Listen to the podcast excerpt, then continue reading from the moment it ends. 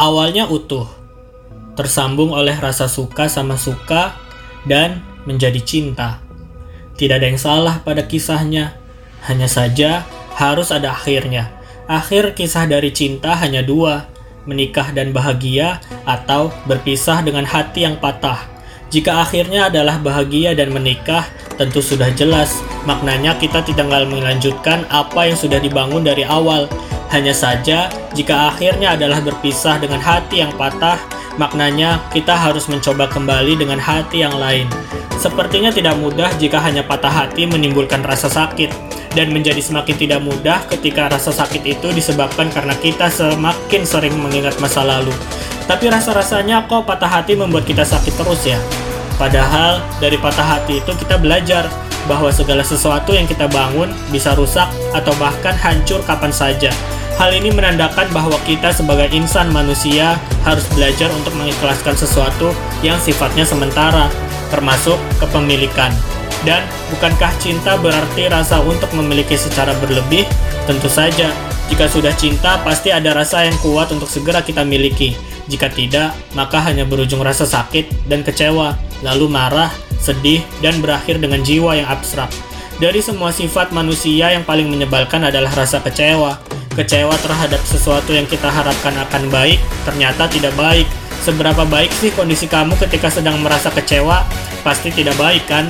Ada saja perasaan untuk pergi, perasaan untuk segera melupakan, dan parahnya adalah perasaan untuk menghilang. Yang paling berat adalah perasaan untuk menghilang. Karena dengan menghilang, berarti kita mengorbankan segala sesuatu yang sudah kita jalin secara baik dari awal. Entah itu hubungan, pertemanan, keluarga, atau bahkan Tuhan. Sulit memang untuk segera pulih dari rasa kecewa, tapi tidak masalah jika kita menganggap bahwa kecewa adalah bagian dari perjalanan hidup dan akan segera berlalu jika sudah waktunya. Kita hanya perlu belajar lebih banyak dari rasa kecewa, bahkan kalau perlu, kita harus memahaminya. Kecewa tidak selamanya buruk, seringnya adalah baik.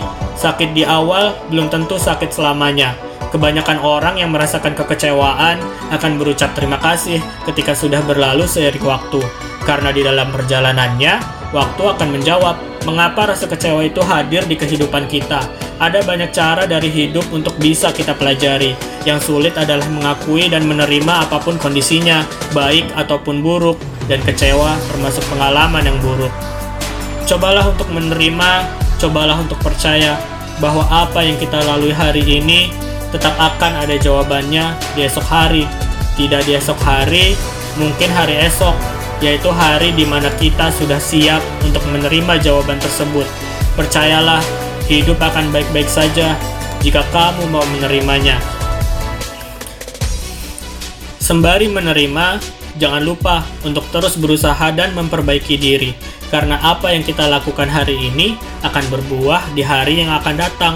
Hasil buah itu akan baik atau tidak tergantung dari bagaimana cara kamu memperlakukan diri kamu selama proses perjalanan waktu. Semoga cepat sembuh untuk kamu yang sedang merasakan patah hati dan kecewa hari ini.